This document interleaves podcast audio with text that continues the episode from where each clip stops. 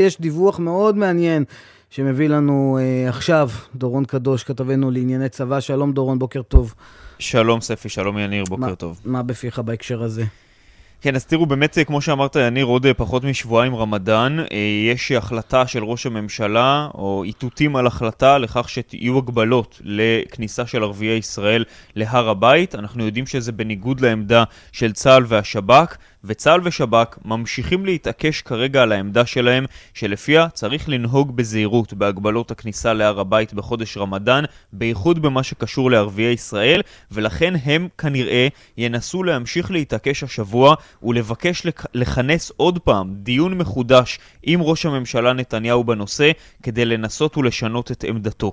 מערכת הביטחון צפויה להניח על השולחן לראש הממשלה חוות דעת ביטחונית נוספת שהם גיבשו במהלך התקופה האחרונה, mm-hmm. ושם ייכתבו הדברים הבאים, שימו לב. הפוטנציאל להידרדרות ביטחונית ביהודה ושומרון גבוה, ואם הוא יתממש, ספק אם נוכל לעצור אותו במקביל ללחימה ולפריסת הכוחות בכלל הגזרות. כלומר, אומרים כאן במערכת הביטחון, יש הרבה מאוד כוחות ברצועת עזה, אולי אפילו עוד יותר כוחות בגבול הצפון, ויש גם הרבה ביהודה ושומרון. אבל יש הכי הרבה כוחות למיטב ידיעתי, דווקא ביהודה ושומרון. כלומר, יש ארבע חטיבות שפועלות עכשיו ברצועת עזה. אבל יש יותר גדודים, יש יותר סד"כ. יש ש... 26 גדודים ביהודה ושומרון, mm-hmm. זה הסד"כ שנמצא שם כרגע, ובכל זאת אומרים במערכת הביטחון, אם תהיה כאן התפרצות, אלימה, התקוממות גדולה ורחבה באזור הזה וגם בירושלים, לא יהיה מספיק אה, אה, סד"כ ללחימה בכל הגזרות. יציגו גם לראש הממשלה את הנתונים על השולחן.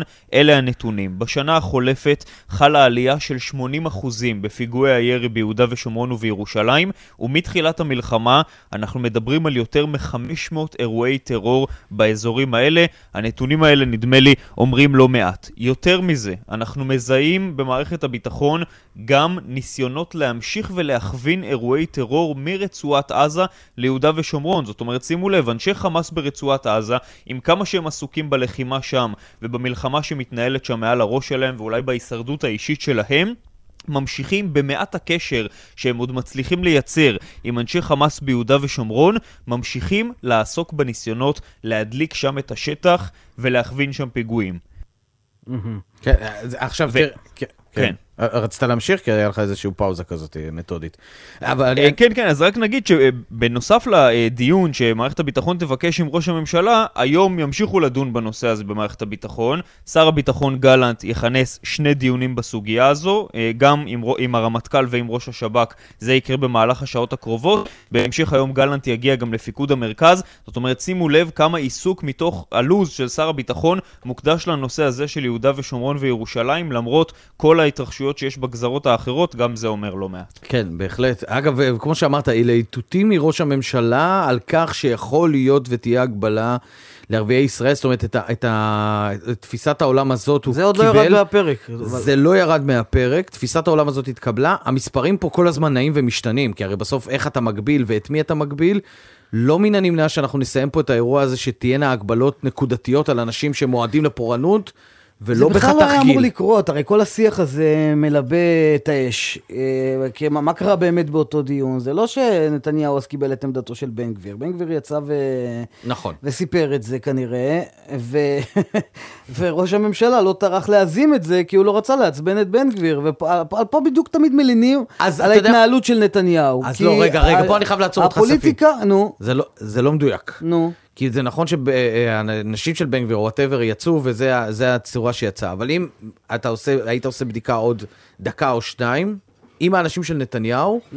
הם לא אמרו את זה. הם אמרו, נתניהו לא קיבל החלטה בנושא הזה. קודם כל, אני לא דיווחתי את זה, אני ראיתי, זה דווח אני לא אמרתי שאתה דיווחת את זה, אני רק אומר... אם היית עושה בדיקה, אבל זה לא משנה, מה זה רלוונטי אם הרמת טלפון בסופו של דבר לאחד מאנשי נתניהו שאמר זה לא בדיוק המצב.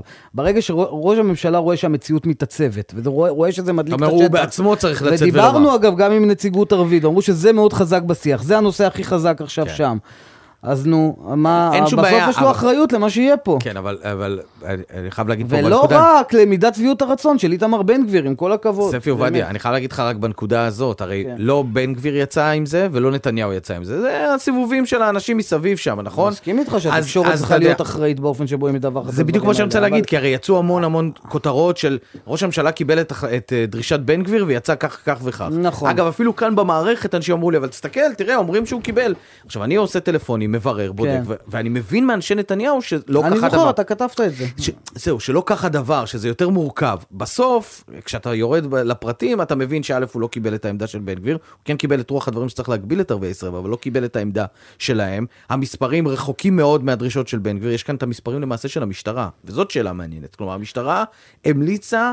על אף כל הדברים האלה, על אף החשש של התלקחות, המליצה בכל זאת להגביל את כניסת ערביי ישראל אתה להר רוצה הבית. שנקיים דיון עכשיו על המשטרה ועל ההשפעה של איתמר בן גביר עליה? נו, אה, אוקיי. באיסי אומר שלא, אבל אני רק הנחתי את זה פה על אוקיי. השולחן. אה, דורון קדוש עוד איתנו בעצם, אפילו לא כן, נפרד אני ממנו. רק אה, חייב שתי. הערות ברשותכם קצרות. ההערה הראשונה, אה, קודם כל, עצם השיח על הנושא הזה של הר הבית והגבלות, נכון. ואם יהיו כאלה או לא יהיו כאלה, רק השיח מייצר תסיסה, או פוטנציאל לתסיסה, וזה דבר מסוכן, וזה בדיוק בהמשך למה שאמרת, יניר, אם לא התקבלה החלטה, מן הראוי לפחות שמישהו ידאג להזים אותה. והדבר השני שאני רוצה להגיד בעניין הזה, אנחנו נמצאים פחות משבועיים לפני רמדאן, ושוב לא מתקבלות אף החלטות ברורות. אה, ושוב הם מגיעים לרגע האחרון, כשאין החלטה ברור. ולא ברור מה קורה, ואולי הגיע הזמן להחליט. צודק. דורון קדוש, כתבנו לענייני צבא וביטחון, תודה רבה לך. ואני רק, סליחה יואב, אני יודע שאתה ממהר, זה, זה בסוף ייבחן במבחן השורה התחתונה. שלא אם נגיע יהיה אליה. פה שקט, או שתהיה יעזור. פה התלקחות. נכון. והתפקיד של הממשלה, בראש ובראשונה של ראש הממשלה, מסכים. לדאוג שלא תהיה התלקחות, כי הוא אחראי לביטחוננו ולביטחונם של אזרחי מדינת ישראל, ולא רק לשלמות הקואליציה. וזה חוזר לשיח שלנו כל הזמן על עניין מקצועי ועניין פופוליסטי. עומדים פה כמה גופי אה, אה, ביטחון, יש משטרה, יש שב"כ, יש צה"ל, הם לא חושבים אותו דבר בנקודה הזאת של ערביי ישראל. התפקיד של ראש הממשלה בנקודה הזאת, הרי תמיד הוא היה אומר, אני זה שמוביל, זה לקחת את כל התמונה הזאת. ולקבל את ההחלטה החלטה הנכונה. ואתה רואה שהנה, שמעת את הדיווח עכשיו של דורון, ואנחנו יודעים שגם אה, צה"ל ואמ"ן העבירו את האינפוטים שלהם, הם, הם לגמרי מושכים לו בדש המעיל, או דש המקטורן, בסדר? הפעם כן, הפעם אי אפשר להגיד שזה לא היה מונח על השולחן. כן. טוב, עכשיו...